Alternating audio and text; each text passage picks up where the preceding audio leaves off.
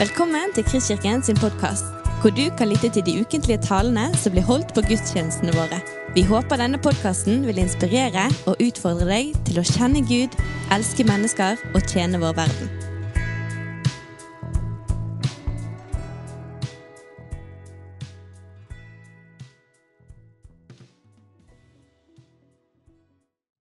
Jeg kom med en liten bekjennelse i avisen i går om at eh, den svenske eh, forfatteren og forkynneren Det er jo gøy å kalle han for pinsepastor, Peter Halldorf. Han er vel ikke noen typisk pinsepastor, men han er jo det likevel. Eh, har hjulpet meg til å eh, liksom fornye, forsterke bevisstheten om advent. Det var kanskje på tide, kan du si. Men det har likevel skjedd. Han og en god kollega som har minnet om at når vi, har, vi skal ha sånn julesamling, og der sa jeg det feil med vilje, på tirsdag eh, på jobben, og da sa han at vi kan ikke drive kristelig virksomhet og kalle det for julesamling den 7. desember. Da er det en adventsamling. Så der fikk vi den, da, som litt sånn dannelse. Så det kan vi huske på. Men eh, dette var ikke bare anekdotisk. Vi skal ha et sitat fra Peter Halldorf. Der har vi det faktisk. Tenk det. Dette er fra hans nye bok 'Vandring mot lyset', som eh, kom på svensk i fjor og på norsk i år.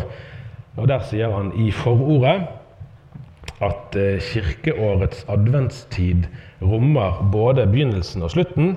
Den forbereder oss på Jesu fødsel, eh, som markerer en ny begynnelse for menneskeheten, men òg på Kristi ankomst ved tidens ende, som lover oss verdens gjenfødelse.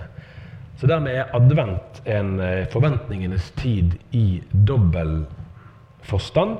I det umiddelbare venter vi naturligvis på jul og julefeiringen, men vi blir òg minnet om Jesu løfte om at han skal komme igjen. Det er vel litt sånn at den første søndagen i advent, altså forrige uke, da har man eh, tekster og, som tema som handler om, eh, om Jesu første komme, og i dag, på andre søndag i advent, så er gjerne blikket rettet mot Jesu gjenkomst. Så vi skal da lese en tekst sammen nå fra Lukas evangeliet, fra kapittel 12, vers 35 til 40. Spenn beltet om livet og hold lampene tent. Vær lik tjenere som venter sin herre hjem fra bryllupsfest og står klar til å lukke opp for ham så snart han kommer og banker på. Lykkelige er de tjenere som Herren finner våkne når han kommer. Sannelig, jeg sier dere, han skal binde opp kjortelen, la dem gå til bords, og selv gå fram og tjene dem. Ja, lykkelige er de som han finner våkne, selv om han ikke kommer før i andre eller tredje nattevakt. Men det skal dere vite, dersom huseieren visste i hvilken time tyven kom, ville han ikke la ham bryte seg inn i huset. Vær også dere forberedt, for menneskesønnen kommer i den time dere ikke venter det. Selve scenarioet her er ikke det helt umulig å få tak på. Sant? Jesus snakker om de siste tider, og hvordan de troende skal oppføre seg i disse tider. Å spenne beltet om livet og holde lampene tent er bilder som forteller oss om beredskap. Vi har beltet spent når vi er på jobb eller når vi er ute, og vi holder lampene tent når vi regner med at vi vil ha behov for lys. Her handler det ikke minst om en åndelig bevissthet, om at vi ikke på noe tidspunkt kan si at det som har med Gud å gjøre, det, det er ikke så viktig nå. Det kan vi komme tilbake til seinere, for sånn er det ikke. Jesus advarer nemlig òg disiplene mot at tyven kan komme, og at de må være forberedt på at det åndelige livet Gud har gitt oss, det kan bli stjålet fra oss hvis vi ikke er våkne.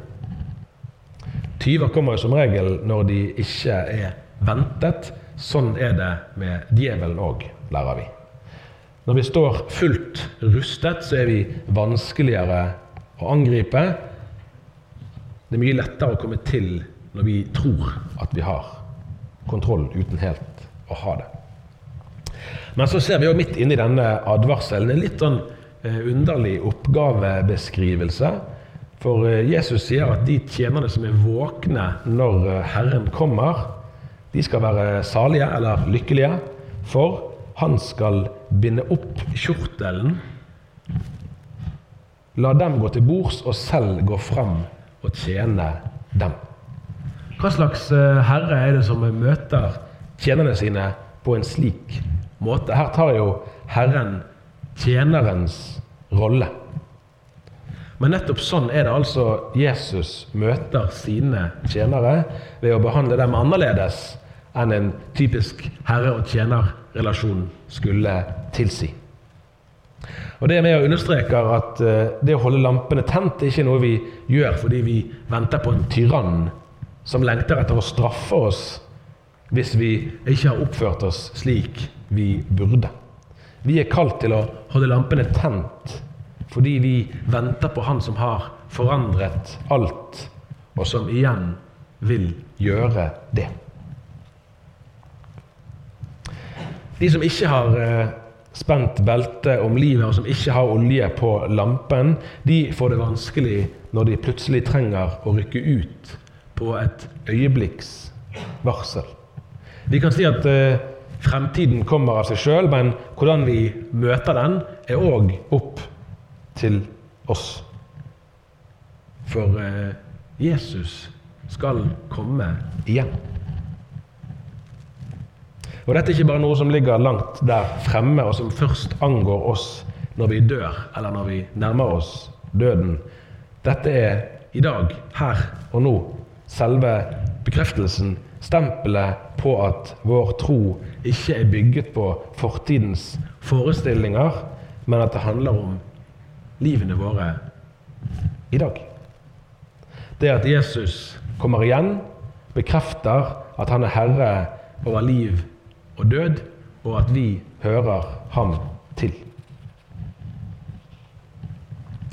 Når jeg tok eh, og mellomfag i Israel i 2006 med NLA-høgskolen, så hadde vi med oss noen karer som hadde gått på Fjellhaug i Oslo. Og De hadde visst eh, sunget et eller annet kor der. Eh, og de lærte oss en sang da, som jeg har fått, eh, fått veldig sansen for. Jeg har jo sansen for fyrstekake, så jeg har kanskje sans for ting som folk som er eldre enn meg, vanligvis har sans for. Eh, så vi skal eh, se litt på den sangen. Vi skal faktisk til og med synge den sangen. Eh, og la oss tenke nå at nå er vi som de tjenerne som er våkne om natten for å vente på når Herren kommer. I Matteus-teksten, altså parallell til den teksten vi har lest fra Lukas, så blir disse kalt brudepiker.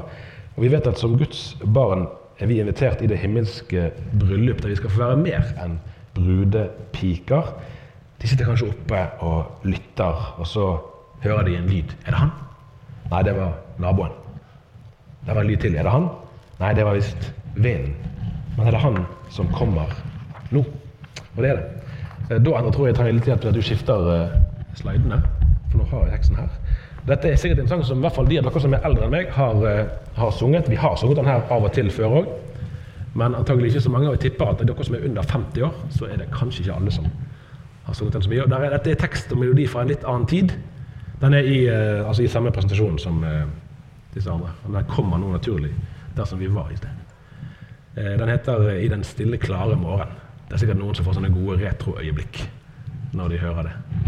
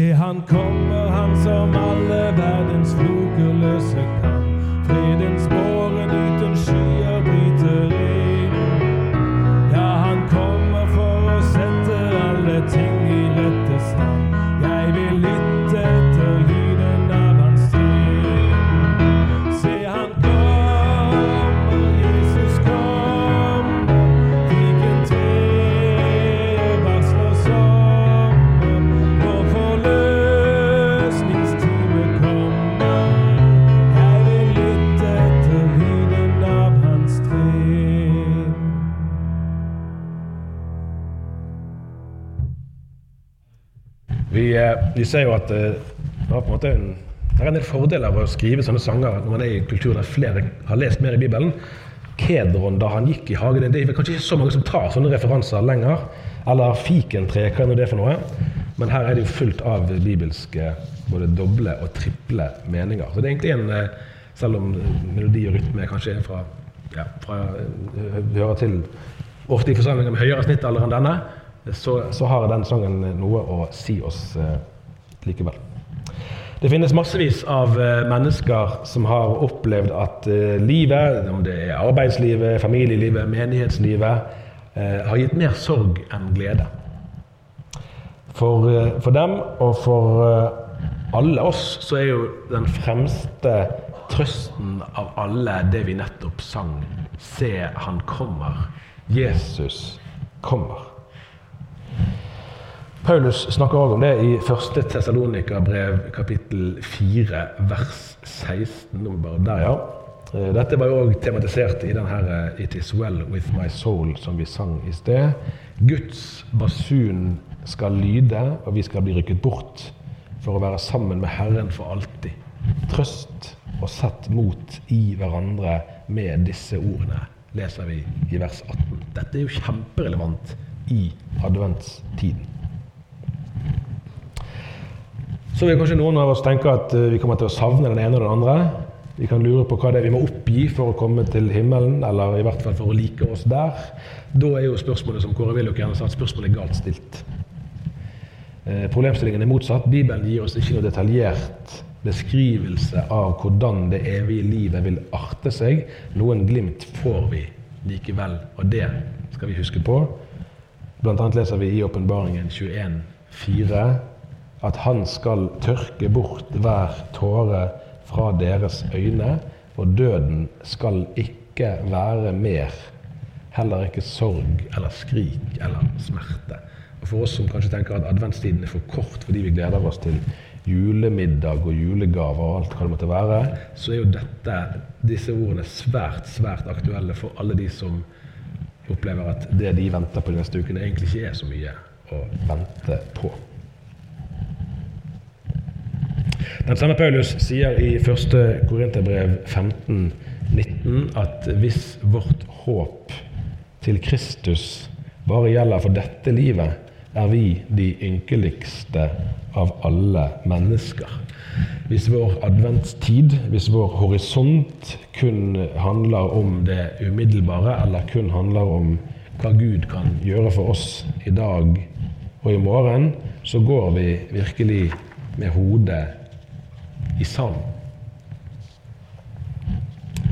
I en sang fra den svenske gruppen Miracle Music heter det, og jeg tror den var òg med her, ja, at mørket skal ikke lenger råde.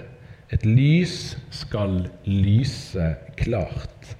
En stjerne skal tennes og stråle.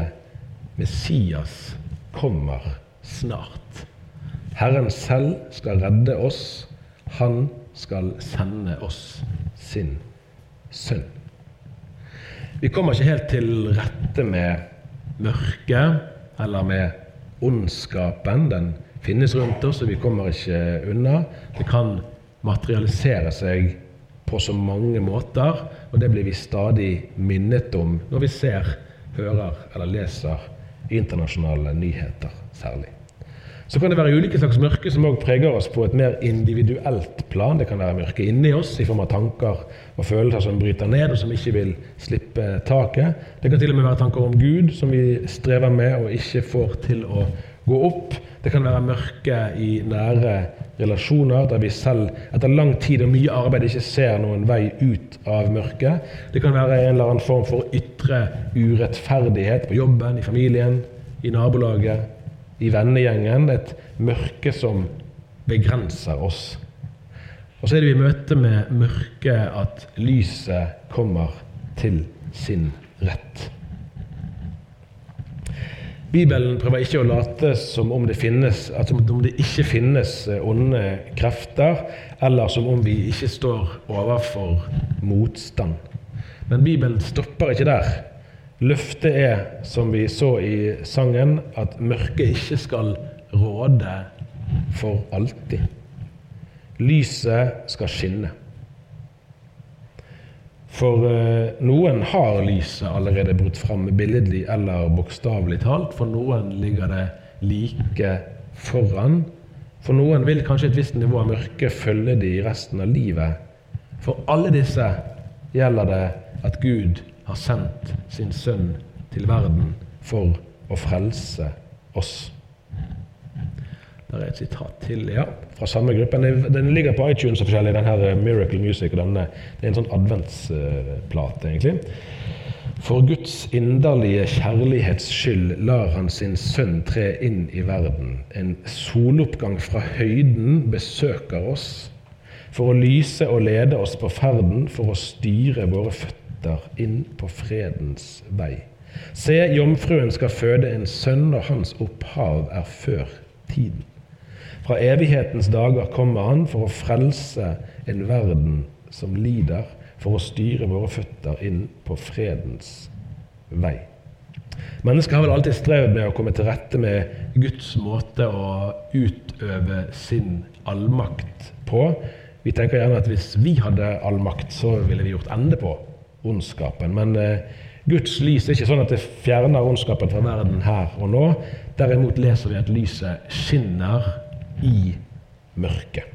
Midt i ondskapen, i sorgen og smerten finnes det også lys, og det kan vi få stole på.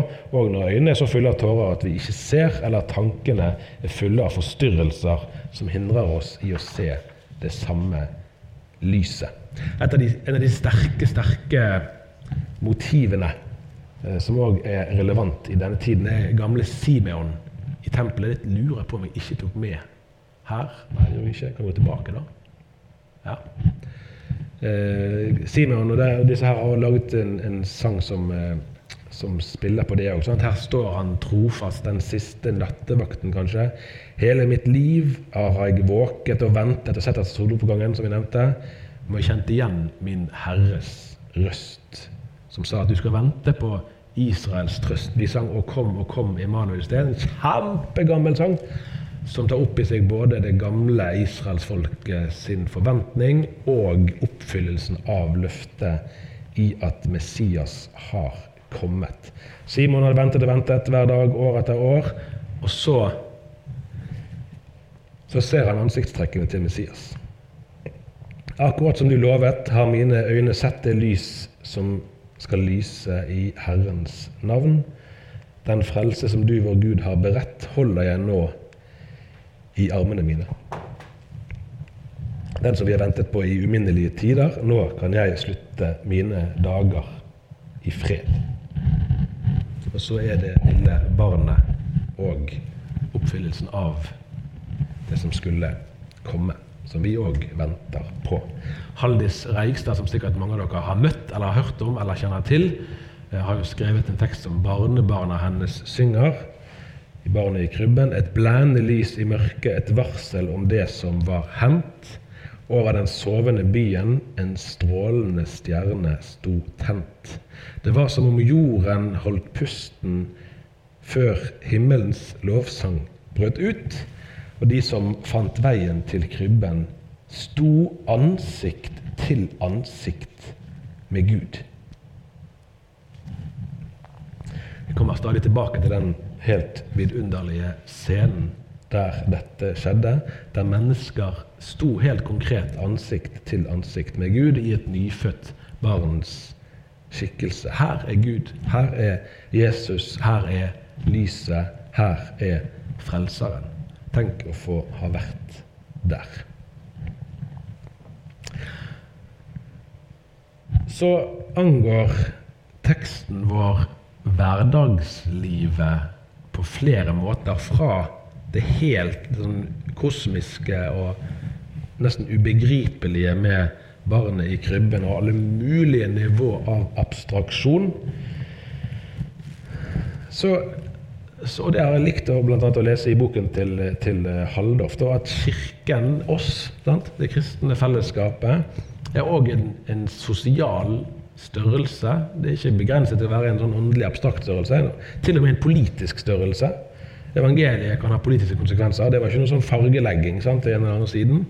Men eh, at en som vil, en som vil eh, følge Jesus Det finnes eh, politiske konsekvenser av det, f.eks. I form av fiendekjærlighet.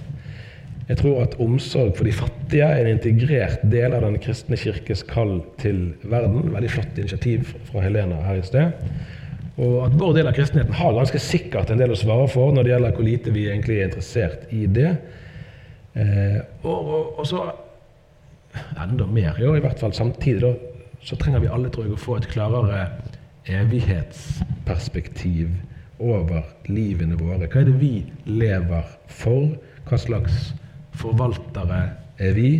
Hva gjør vi med det vi har blitt betrodd?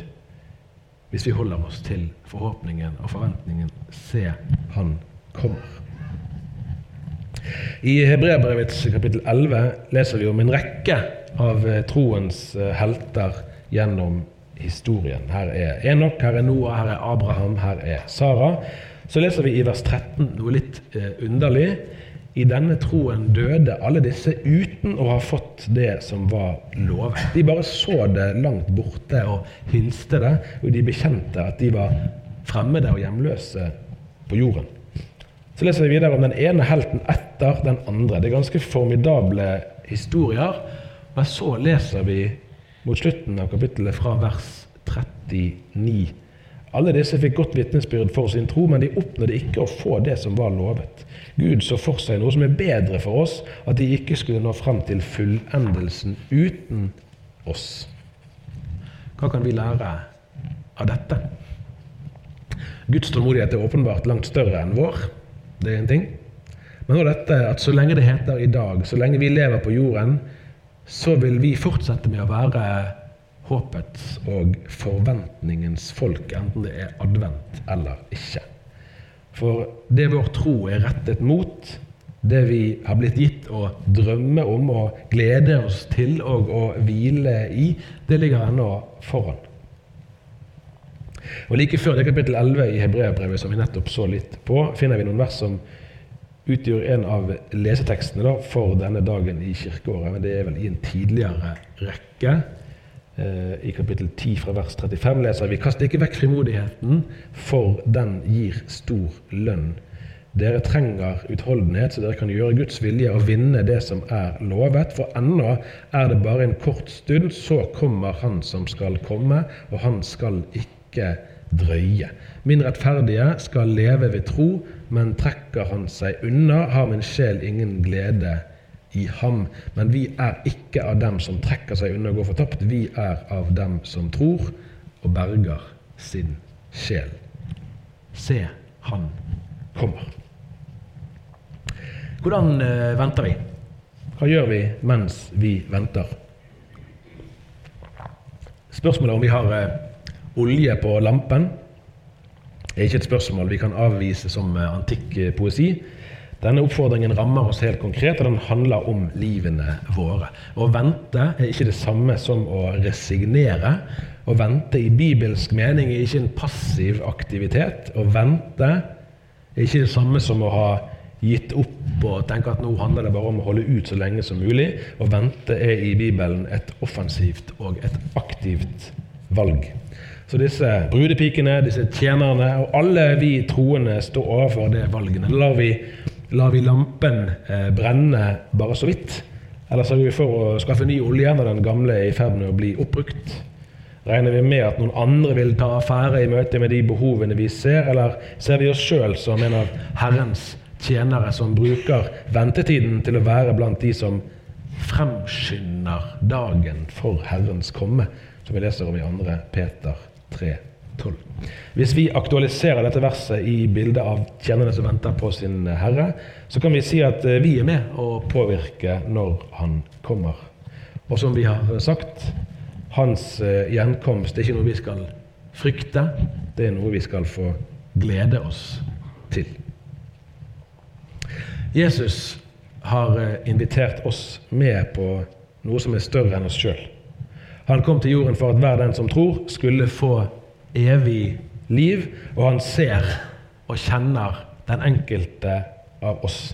Samtidig forholder han seg jo til langt flere enn oss som er her, og han forholder seg til en helt annen timeplan enn det vi gjør. Men han inviterer oss med inn i Guds drøm, og han gjør oss til mer enn tilskuere. Kristkirken kan ikke bli en menighet som er fornøyd med å hvile på sin egen historie. Det vil si, den kan jo det, men det ville være en ulykke. Det har virkelig flytt en del åndelig olje i dette fellesskapet, det tror jeg vi kan si. Eh, men eh, med eller uten eh, henvisning til klimatoppmøtet i Glasgow må vi kunne si at òg denne oljen er en ikke-fornybar ressurs. Den eh, reproduserer seg med andre ord ikke helt på egen hånd. Vi er avhengig av ny tilførsel. Men hvis vi kan få være en menighet med brennende lamper, altså med åndelig liv, med mennesker som kjenner Jesus og lever med han og kan dele sine erfaringer med andre, da vil vi fortsatt drømme om å se Guds rike få økt innflytelse i alle deler av samfunnet. Vi vil drømme om mer enn noen gode uker eller måneder. Vi vil drømme om en varig forandring. Vi vil sende representanter ut fra menigheten for å være Guds rike, for å være som disse kloke brudepikene overalt. Det er ingen grunn for å si at den ene jobben er mer åndelig enn den andre. Det er ingen grunn for å tro at vi som står her på scenen og snakker, er noe mer åndelige enn andre. Vi er alle blant dem som lever i påvente av at Herren kommer, og ingen av oss vet nøyaktig når det skjer.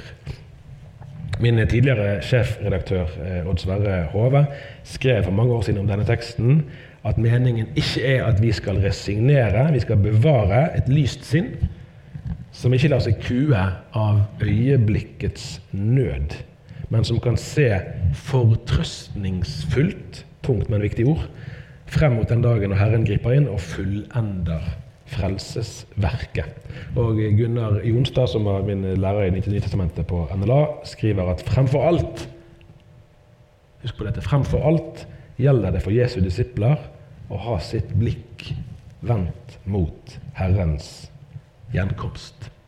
Se, han kommer.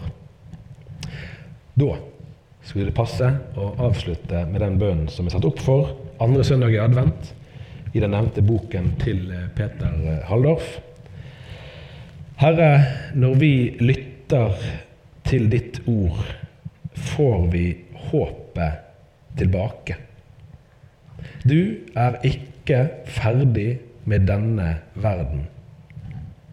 Fyll oss med din ånd, så vi kan arbeide for rettferd, barmhjertighet og forsoning alle steder og til alle tider mens vi venter på Messias ankomst. Amen. Ære være Faderen og Sønnen og Den hellige ånd, som var, er og blir en sann Gud fra evighet og til evighet. Du har lyttet til en podkast fra Kristkirken i Bergen. Vi håper du har blitt inspirert og utfordret i din vandring med Gud. Vil du vite mer om oss, så klikk deg inn på kristkirken.no.